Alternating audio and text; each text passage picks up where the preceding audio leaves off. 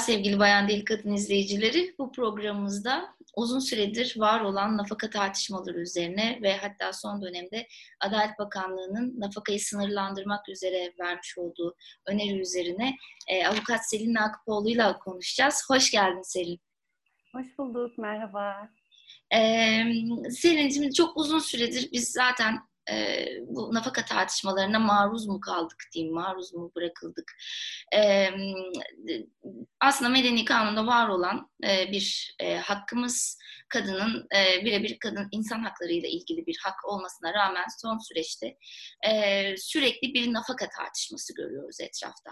Ve e, yeni gelen bu Adalet Bakanlığı'nın sunduğu öneriyle de nafakanın alt sınır, 2 yıl, 3 sınır, 6 yıl olmak üzere e, sınırlandırılması talepli bir öneri getirildi. E, biz bir türlü gündemden düşmüyor. Bütün tepkilere rağmen düşmüyor ya da düşürülmüyor. E, şimdi ben senden dinlemek istiyorum. Biz neden bu nafakayı tartışıyoruz durduk yere çok uzun süredir? Nereden geldik buraya? aslında ben sizi 2016 tarihine götüreceğim. Ocak 2016 sanırım 14 Ocak'tı. mecliste bir komisyon kuruldu. Bu aile bütünlüğünü olumsuz etkileyen unsurlar ve boşanmanın e, olayların araştırılması ve önlenmesine ilişkin bizim kısaca boşanma komisyonu dediğimiz bir komisyondu. Bu komisyonun taslak raporuyla aslında biz öğrendik ki kadının nafaka hakkının süreyle sınırlandırılması gibi bir e, proje var, bir plan var. E, daha sonra bunun üstüne bu basına yansıdıktan sonra e, feministler, kadın örgütleri e, ciddi şekilde dediler ki ne yapıyorsunuz? Ve bunu neden yapıyorsunuz? Neye dayanarak yapıyorsunuz? Yani gazetecilikteki 5M1K'yı sorduk biz. E, veriniz nedir ki buna ilişkin bir sınırlandırma yapıyorsunuz ve daha doğrusu e, gelin nafakayı biz de konuşalım, bizle konuşalım dedik ama herhangi bir e, muhatap ve cevap alamadık. Sonra e, hatırlıyorum sanırım Aydın Üniversitesi'ndeydi. 2017'nin sonuydu. Bir nafaka üzerine bir e, panel yapıldığını öğrendik. E, ve biz birkaç kadın gittik. Orada gördük ki nafaka üzerine ciddi bir çalışma yapılmış ve e, biraz da şiddete maruz kaldık e, o paneli düzenleyenler tarafından. Çünkü e, gerçekleri duymak istemiyorlardı. Biz e, pek çok kadın avukat vardı ve e, tebliğlere sorular sorduğumuzda verilen cevaplar hoşlarına gitmedi. Çünkü medeni kanun verilen cevaplar medeni kanun hükümleriydi Panelistlerin arasında Ömer Uğur Gençcan da vardı. Ee, başka medeni hukuk profesörleri de vardı. Ve fark ettik ki başka türlü bir algı yaratılmaya çalışılıyor ama bu hukuk düzenlemesinden ve gerçeklerden uzak. Yani veri yok ortada. Hep mışla muşla hareket ediliyor. Benim e, amcamın oğlu şöyle nafaka veriyormuş. E, tamam dosya ne dosyaya bakalım hangi e, gerekçelerle bu nafakaya hükmedilmiş e, hakim tarafından ve ne nasıl sürüyor? Çünkü ben 17 yıllık avukatlık hayatımda biliyorum ki nafakayı sürdürmek çok zordur. e, nafakanın kesilmesidir en kolay olan şey. Ve zaten e, kadın da o e, ödenmeyen, esas problemi tahsilat olan o nafakayı almak istemiyor aslında. Çünkü bu nafakalar e, daha sonra kadınlar araştırma yaptı. E, bu araştırma neydi? Ne gerçekten e, tahsil e, edilemeyen ve hakim tarafından hükmedilen nafaka miktarı nedir dendiğinde e, Ankara'da Vakfı'nın evet. araştırması 2019'da Kasım 2019 evet. Evet orada e, görülen rakam 267 idi yanlış hatırlamıyorsam. Sonra KONDA Şubat 2020'de bir rapor çıkardı. E, orada da e, zaten o kadar derinlemesine bilimsel bir rapor. Hakikaten çok mühim Orada da görüldü ki mesele o kadar farklı ki sunulduğundan. Tam da bizim söylediğimiz gibi. Şimdi 267 liradan hadi 300 lira diyelim. 300 liradan bahsediyoruz ortalama ve bu 300 lira tahsil edilmiyor. Nafaka uygulamasında problem var evet ama bu problem tahsilatta. Asıl mağdur kadınlar zaten. Şimdi e, hukuku, medeni kanunu bir kenara koyup cümlemi kurayım. Şimdi siz evinin kadını ol. Ne çalışıyorsun? Çocuklarına bak. E, bu çocuklara e, bakıcıya versek senin maaşından daha fazla vereceğiz. Mesela. Evet. Değil mi? Asgari ücretle çalışacaksın. Otur oturduğun yerde deneyebiliyor o erkek evliyken. Ha boşandığında, canı isteyip boşandığında da Vay efendim ben ona niye para veriyorum? Böyle bir hayat var mı? O yüzden medeni kanun var zaten. O yüzden sizin e, itiraz ettiğiniz nokta bu. Yani boşanmanız da kolaylaşsın. Herhangi bir şekilde yükümlülük, nafaka yükümlülüğü de verilmesin. Ve ödenmeyen nafakalar e, bir kesimin söylediği gibi e, kadına verilecek olan değil, çocuğa, müşterek çocuk, iştirak nafakasını ödemiyor bu babalar. Evet ben tam onu diyecektim. Yani ben de bir avukat olarak, aktif avukatlık yapan biri olarak bana geldiğinde e, kadınlar genelde çocuklarıyla geliyorlar. Yani çocuklar kadın da oluyor genelde. Tamam e, belki iştirak nafakası için e, değil bu söylediklerimiz diyorlar. Ama e, çocuklar için bile aslında o nafakaları tam olarak ödemiyorlar. Kaldı ki çocuklar için hükmedilen de yetmiyor aslında şu şartlarda baktığımızda. Yani kadın e, çocuklara erkekten öte bir e, uygulamada e, imkan da sunmak zorunda kalıyor uygulamaya baktığımızda. Maalesef öyle yani bütün yük kadının üstünde. Yani kadının nasıl hayat yaşayacağı erkekler tarafından belirleniyor. Evliyken nasıl bir kadın olacağı, çalışan kadın mı, çalışmayan kadın mı, e, erkek koca tarafından neredeyse belirlenmeye çalışıyor. Ki medeni kanunda ailenin reisi erkektir diye bir şey yok. Ama bunu o kadar içselleştirmişler ki bütün düzenlemelere yeksenak e, aslında itiraz etmeleri, medeni kanunla dertleri olmasının sebebi bu, bu kesimin. Hakikaten öyle. Yani kadının bütün hayatının müdahale etmek. Çocuk da kadının. Ne, neden? neden yani müşterek çocuk değil mi bu? Neden bütün e, masraflarına e, ya da duygusal emeğine e, kadın tek başına e, altına girmek zorunda? E, böyle bir e, algıyla başladı bu iş ve şunu söylediler 2017-2018'de çok net hatırlıyorum. E, dediler ki ben nafaka ödüyorum, karım yan gelip yatıyor.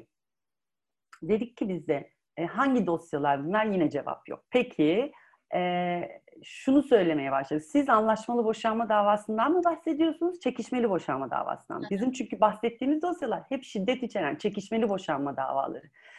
O e, tarafın bahsettiği aslında e, davalar anlaşmalı boşanma davalarından bahsettikleri sonra anladık. Şimdi isimlerini zikretmek istemiyorum. Onların da yani isimleri niye buralara karışıyor? Ama kamuoyunda tanınan, bilinen işte futbolcu, televizyoncu kimi insanların boşanma davalarındaki miktarlarla o yoksul kadınların aldıkları 300 lirayı karşılaştırmaya başladılar. Yani bu kadar çarpık, bu kadar e, yalan üstüne kurulmuş bir e, durum var ki ortada. Evet. Tamamen kanundan uzak. Peki bir şey soracağım. Şimdi e, bu süresiz kısmını da ben muhakkak dinlemek istiyorum ama e, şimdi 2015 yılında Boşanma Komisyonu 2016'da rapor çıkarmıştı. Orada geçen bir proje miydi diyeyim artık e, nafaka için.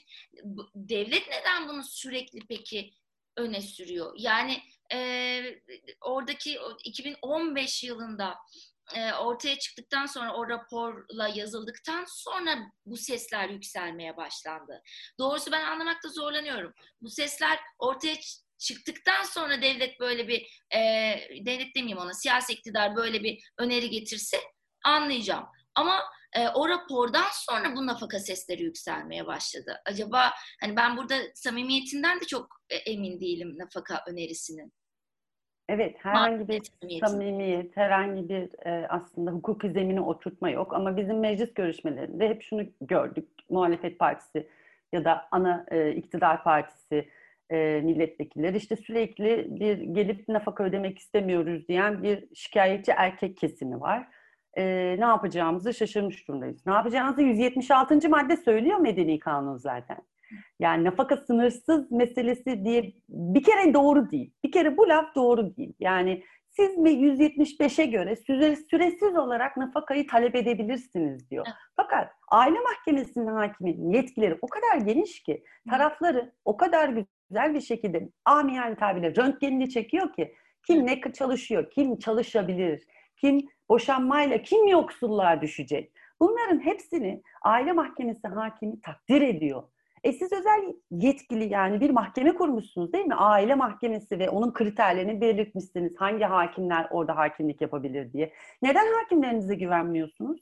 Evet. Onlar gayet güzel bir şekilde bunu takdir edip bir, e, sosyal inceleme raporlarıyla, ekonomik raporlarla, e, kadının bir ne mezunu olduğu yani lise mezunu bile olmayan bir kadın 45 yaşında iki çocuğuyla üç çocuğuyla sihirli değnek değmiş gibi nasıl iş bulacak? Yani evet. bu Türkiye'nin şu şartlarında. Doğru bir şey söyledin. Hani niye, niye hakimlere güvenmiyorsunuz? Ben daha bu arada yeni okudum bunu. Ee, süresiz nafaka mağdurları platformu. Hani şimdi bu platformlar da çok Hı. ve e, maazallah bir şey yazsak nafakayla ilgili ben bütün günümü e, o saldırılarla geçirmek zorunda kalıyorum. Hepimiz yaşıyoruz bunu. Bu yayından sonra da olacak. Evet. e, o, o, o platform üyelerinden biri demiş ki nafaka süresinin hakimin takdirine bırakılmasını istemiyoruz. Ya o gün hakim kötü bir gün geçiriyorsa ya da cinsiyet kayırması içindeyse o zaman ne olacak diyor. Yani hakimin kötü bir gün e, geçiriyorsa eğer e, süresiz nafaka hükmedeceği kanısı içindeler. Bu nasıl bir manipülasyon? Ne kadar hukuktan uzak, ne kadar yani gerçekten ben anlamakta zorluk çekiyorum. Fakat e, siz e, bu kanun yapıcıları artık sorgular hale gelindi. Yani kanunu sorgular hale gelindi. En ufak bir fikir yok, en ufak bilgi yok çünkü. Ben zaten nafaka tartışmaları sürerken hep şunu sordum. Medeni Kanun 176 kaldırıldı da haberimiz mi yok? Evet. Yani bu, bu, bu kadar net. Çünkü Medeni Kanun 176 ne söylüyor? Bizi dinleyenler için de çok kısaca. Hangi e, şeylerde, koşullarda nafaka yükümlülüğü biter, kaldırılır? Evet. Çok net evlilik ölüm halinde kaldırılır. Kadın eğer bir işe girmişse, çalışıyorsa kaldırılır. Evlenmek zorunda değil, aynı çatı altı, altında yaşıyorsa kaldırılır. Bu bu kadar net. Hatta 176.3'te e, o kadar hoşumuza gitmeyen, hep cinsiyetçi bir şekilde kullanılan işte haysiyetsiz hayat sürme meselesi hep kadınlar aleyhine kullanılmıştır. Yani ben 176.3'teki o haysiyetsiz yaşam sürme maddesinin hep kadınlar aleyhine kullanıldığını üstüne konuşmak istiyorum. Mesela bunun cinsiyetçi bir uygulama olduğunu ve bunun üstünde çalışmak isterken ben 176'yı da 175'i de savunur noktadayım. Hepimiz gibi. Yani ben derken biz kastediyorum çünkü biz artık kanundaki düzenlemelerin ya da uygulamadaki problemlerin konuşamaz hale geldik. Yani sıkı sıkı tutuyoruz. Hayır öyle değil diye. Bu çok e, geri bir nokta. Hakikaten çok geri bir nokta. Medeni kanunun ruhuna ters talepler var. Hı. Ve gerçekten hiçbir hukuki, bilimsel veriye dayanmadan. Bakın bu çok önemli. Siz bir kanun değişikliğinden bahsediyorsunuz. Elinizde araştırma yok. Sıfır. Evet. Sıfır. Evet. Yani e, 176 zaten süresiz olmadığının, e, nafakanın sonlandırma ya da kendiliğinden sonlanma hallerinin düzenlendiği bir madde diyorsun ve e, yani burada şeyi de sormak istiyorum. Bana biraz bel altı vurmak gibi geliyor bu yaptıkları. Gurursuz diyorlar kadınlara. Efendim hmm. siz boşandığınız ya da boşanmak üzere olduğunuz e, adamın parasını niye alıyorsunuz diyor. Yani hmm. buradan vurmaya çalışıyor. Bunun gurursuzlukla ilgisi var mı? E, bu gerçekten çok ucuz bir söylem. Hakikaten. Şimdi siz bu işin sosyolojik ve kadın istihdamı noktasını hiç dokunmadan, görünmeyen emek diye kavramı görmeden, her şeyi kadının evde yaptığı işin her şeyin kadının olması gerektiğini savunup, üstüne üstlük benim karım çalışamaz diyen zihniyeti besliyorsanız iktidar partisinin tarafından ve devletin en başı tarafından besliyorsanız, bakın üç çocuktan bahsediliyor. Üç çocuk büyütmüş, doğurmuş, büyütmek zorunda olan kadının istihdam noktasında ücretsiz kreş olmayan bir ülkede, evet. devletin hiçbir şekilde çocuk emeğine el atmadığı bir ülkede e, o kadının nasıl e, istihdamda olması gerektiği yerde olabileceğini düşünüyorsunuz? Zaten daha önceye gidelim. Onun büyük bir ihtimalle babası tarafından da eğitim alması engellenmiştir zaten. Yani Türkiye gerçeklerinden o kadar uzak bir noktadayız ki ben bunları söylerken hiç hoşnut değilim. Bunların tam tersinin olmasını istiyorum. Yani kadının, e, kadınların bu 4 artı 4 artı 4'te kız çocukların ne kadar çok okullu bıraktığını eğitim sen raporlarından görüyoruz. Kadınların istihdamında hiç sorun yokmuş gibi davranılıyor. Yani sanki bu ülkede ücretsiz kreşler var, ve e, çocuk bakımında, çocuk emeğinde devlet e, yükümlülüklerini yerine getiriyor ve ebeveynlerin sırtına bırakmıyormuş gibi davranıyor. Ebeveyn izni mesela hala mecliste bekliyor. Herhangi bir şekilde e, üç maymunu oynuyorlar bu konuda hala e, ve e, neden ülkede ücretsiz kreşler yok sorusunu ben e, dönem, şu anda da Adalet Bakanı olan e, Sayın Bakan'a bir çalıştayda ne çalıştayında nafaka çalıştayında sordum. E, ilk kez bu konuda bir çalıştay yapıldığını söylemiş. Biz de kendimizi zorla davet ettirdik açıkçası. Ben Mor Çatı adına katılmıştım ve e, dedim ki neden bahsettiğinizden e, biraz isterseniz zemine gelelim. Neden ücretsiz kreş yok? Şimdi siz bu kadın çalışsın diyorsunuz. Tamam o da çalışmak istiyor. 267 lirayla geçinemez zaten. Hiç olmazsa sigortalı asgari ücretli bir işe gireyim diyor. Zaten onun da isteği o. Peki çocuğu nereye bırakacak? Evet. Cevap yok. Cevap. E biz nereden neden bunu konuşuyoruz? Nasıl konuşuyoruz? Devlet önce yükümlülüklerini yerine getirmeli. Yani o sosyal devlet anayasada bir artık sadece bir, bir iki e, cümle olarak kalmış durumda ve e, yüzde bir nafakanın yüzde bir çok düşük. Geriye kalan yüzde 99 e, pardon Türkiye'de yüksek nafaka oranı yüzde bir. Bu da yine bir araştırma. Geriye kalan yüzde 99'u 267 lira özetle. Bakın 267 lirayla kim nasıl geçinecek? Yan gelip yatanlara bunu sormak lazım. Yan gelip yatıyor kadın, e, karım ben nafakayı ödüyorum diyenlere bunu sormak lazım. Ezelden beri söylediğimiz o kadar e, tasarı varken, hani yapılması gereken şey varken bir bakıyorsunuz işte istismar affıyla ilgili düzenleme yapmaya çalışıyorlar. Aile arabuluculuğuyla ilgili düzenleme yapmaya çalışıyor. İstanbul Sözleşmesi'ni durduk yere tartışmaya başlıyoruz. Kadının beyanı esastır ilkesine bile takılıyorlar. Şimdi o rapordan beri gelen böyle bir süreç var. Bu bunların hepsi bana e, bu önerilerin iyi niyetli olmadığını aslında e, hedefin başka bir şey olduğunu anlatıyor. Buna ne, ne diyorsun? Kesinlikle öyle. Tespitine katılıyorum. Ee, Boşanma Komisyonu raporu diye kısalttığımız bu 2016 tarihinde okuduğumuz rapor hakikaten e, sadece kadınların hayatları aleyhine, kadınların hayatlarına müdahale eden her unsuru teker teker söylemiş. Yani müftülük nikahı da orada mesela. Ve aslında toplu olarak bu rapor basına yansıdığında büyük, büyük bir tepki gösterildi ve geri adım attıklarını söylediler. Ama hiçbir zaman öyle olmuyor. Peyderpey ufak ufak soktular oradaki e, düzenlemeleri. Aile arabuluculuğu meselesi de bu raporda geçiyor. Aile arabuluculuğu meselesi de o kadar yanlış yine e, lanse ettiriliyor ki biz e, İstanbul Sözleşmesi şiddetin olduğu nokta diyor. Biz şiddetin olduğu hiçbir noktada arabuluculuk olmayacağını söylüyoruz. Zaten anlaşmalı boşanma davaları böyle bir şey. Zaten bu arabuluculuk halidir. Yani şiddet yoksa taraflar arasında ve taraflar anlaştıysa zaten anlaşmalı boşanma yapıyoruz. Bu arabuluculuk değil mi? Evet, Tam da budur zaten. Ee, çok çok yanlış. Yani olan her şey o kadar farklı aksettiriliyor ki ve bizler gerçekleri söyleyenler hiçbir şekilde ana akım medya denen kanallarda ya da basında hiçbir şekilde e, yer alamıyoruz e, ve bu doğrulardan bahsedemiyoruz. E, bu da çok üzücü oluyor. Yani ben kadın istihdamının Türkiye'deki yüzde yirmilerde olan bu rakamın artmasını isteyen biriyim. Neden istemeyeyim? Ya da kız çocuklarının okulu bırakmamasını isteyen biriyim. Tam da bu sebeple bunların sonucunda zaten o kadın 267 lirayı istemeyecektir. Bakın evet, evet. Bu, böyle bir aslında domino etkisi yaratan bir husus ama bunu görmeyip Sadece sonuca odaklanarak e, kadınları o şiddet gördükleri evden çıkmaması, boşanmaması ve boşanmanın zorlaştırılması için yapılan bir düzenlemedir bu nafaka düzenlemesi.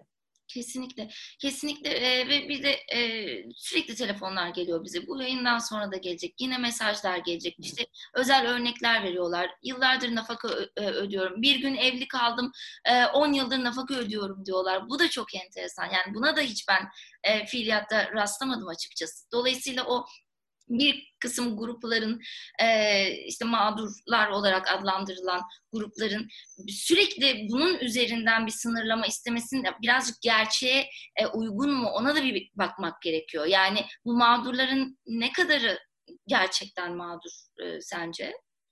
Yani nafakanın kaldırılması davası bir dava var. Evet, evet. Bundan haberiniz e, yok mu diye sordum ben birkaçına. E, bir panelde. Yani 176. madde bunu da bunu söylüyor zaten. Çünkü hakkaniyettir, hakkaniyettir hakimin verdiği karar. Şimdi e, biraz önce söylediğin hakimlere güvenmeme durumu çok yanlış. Yani yok işte e, hakim o gün tersinden kalktıysa öyle bir şey yok. Yani o oldu biz avukatlar ne yapalım o zaman? Yani öyle bir şey yok. Hakim kanunla bağlıdır ve hakkaniyetli bir karar verir ve bu konuda aile mahkemesi hakimin yetkisi e, geniştir. E, bir gün evliyse ona ömür boyu o, olan e, atan verilmiş olan bu nafakayı sen kaldırmak istediğinde seni dinler. Ya sen kaldırma davası açtın mı diye sorduğumuzda cevap yok. İşte bundan bahsediyorum. Yani o kadar kanundan habersizlik var ki kanun sana bu hakkı veriyor. Gerçekten sen samimiysen, kaldırılmasını istiyorsan ve bunun için gerekçelerin varsa 176'ya göre zaten kaldırırsın. Evet. E, mecliste bu gelen son öneri de e, sanırım AK Parti vekilleri tarafından da aslında istenmedi diye okudum bir yerde. E, zaten CHP'li kadın vekiller toplu şekilde itiraz ettiler. Bu bir daha tekrar gelir mi bilmiyoruz ama umarız ki e, tekrar gelmez. Sence tekrar önümüze sürerler mi? Yani bu nereye kadar devam edecek? Ben bir temcit bile durumu olduğunu düşünüyorum bazı hususlara ilişkin. Türk Ceza Yasası 103 de böyle maalesef. Ee, böyle birkaç senede bir bu husus geliyor. Çünkü neden? Çünkü tüketilemiyor. Çünkü devlet gerçekten araştırma yapmıyor. Gerçekleri ortaya çıkarmıyor. Ee, çıkarmadığı için de e, hep böyle bir hallederiz, yaparız deyip sanki zaman kazanmaya çalışıyor gibi bir durum var. Oysa gerçekler açık, çıplak. Konda raporu lütfen Şubat 2020'deki yayınlanan Konda raporunu okuyunuz. Bakın biz verisizlikten kendi verilerimizi oluşturmaya başladık. Yani ben bizzat e, gidip e, e, Adli Yardım Bürosu'nda dosya taradım. Çünkü neden bahsediyorlar? Bahsettikleri rakamlar ne acaba diye ben bilgilenmek için bu kadar işin içinde olmama rağmen. O yüzden lütfen bu konuda meseleyi nihayete ulaştırmak istiyorsanız bunun sosyolojik ve hukuki olarak düzenlemelerini tarafsızca, kimsenin baskısı altında olmadan yayınlayın, hep beraber görelim. Evet, evet. Yani gerçeğe dayalı konuşun. Halkını gerçekten ne talep ediyor? Mağduriyet e, tam olarak nerede? Kimler mağdur?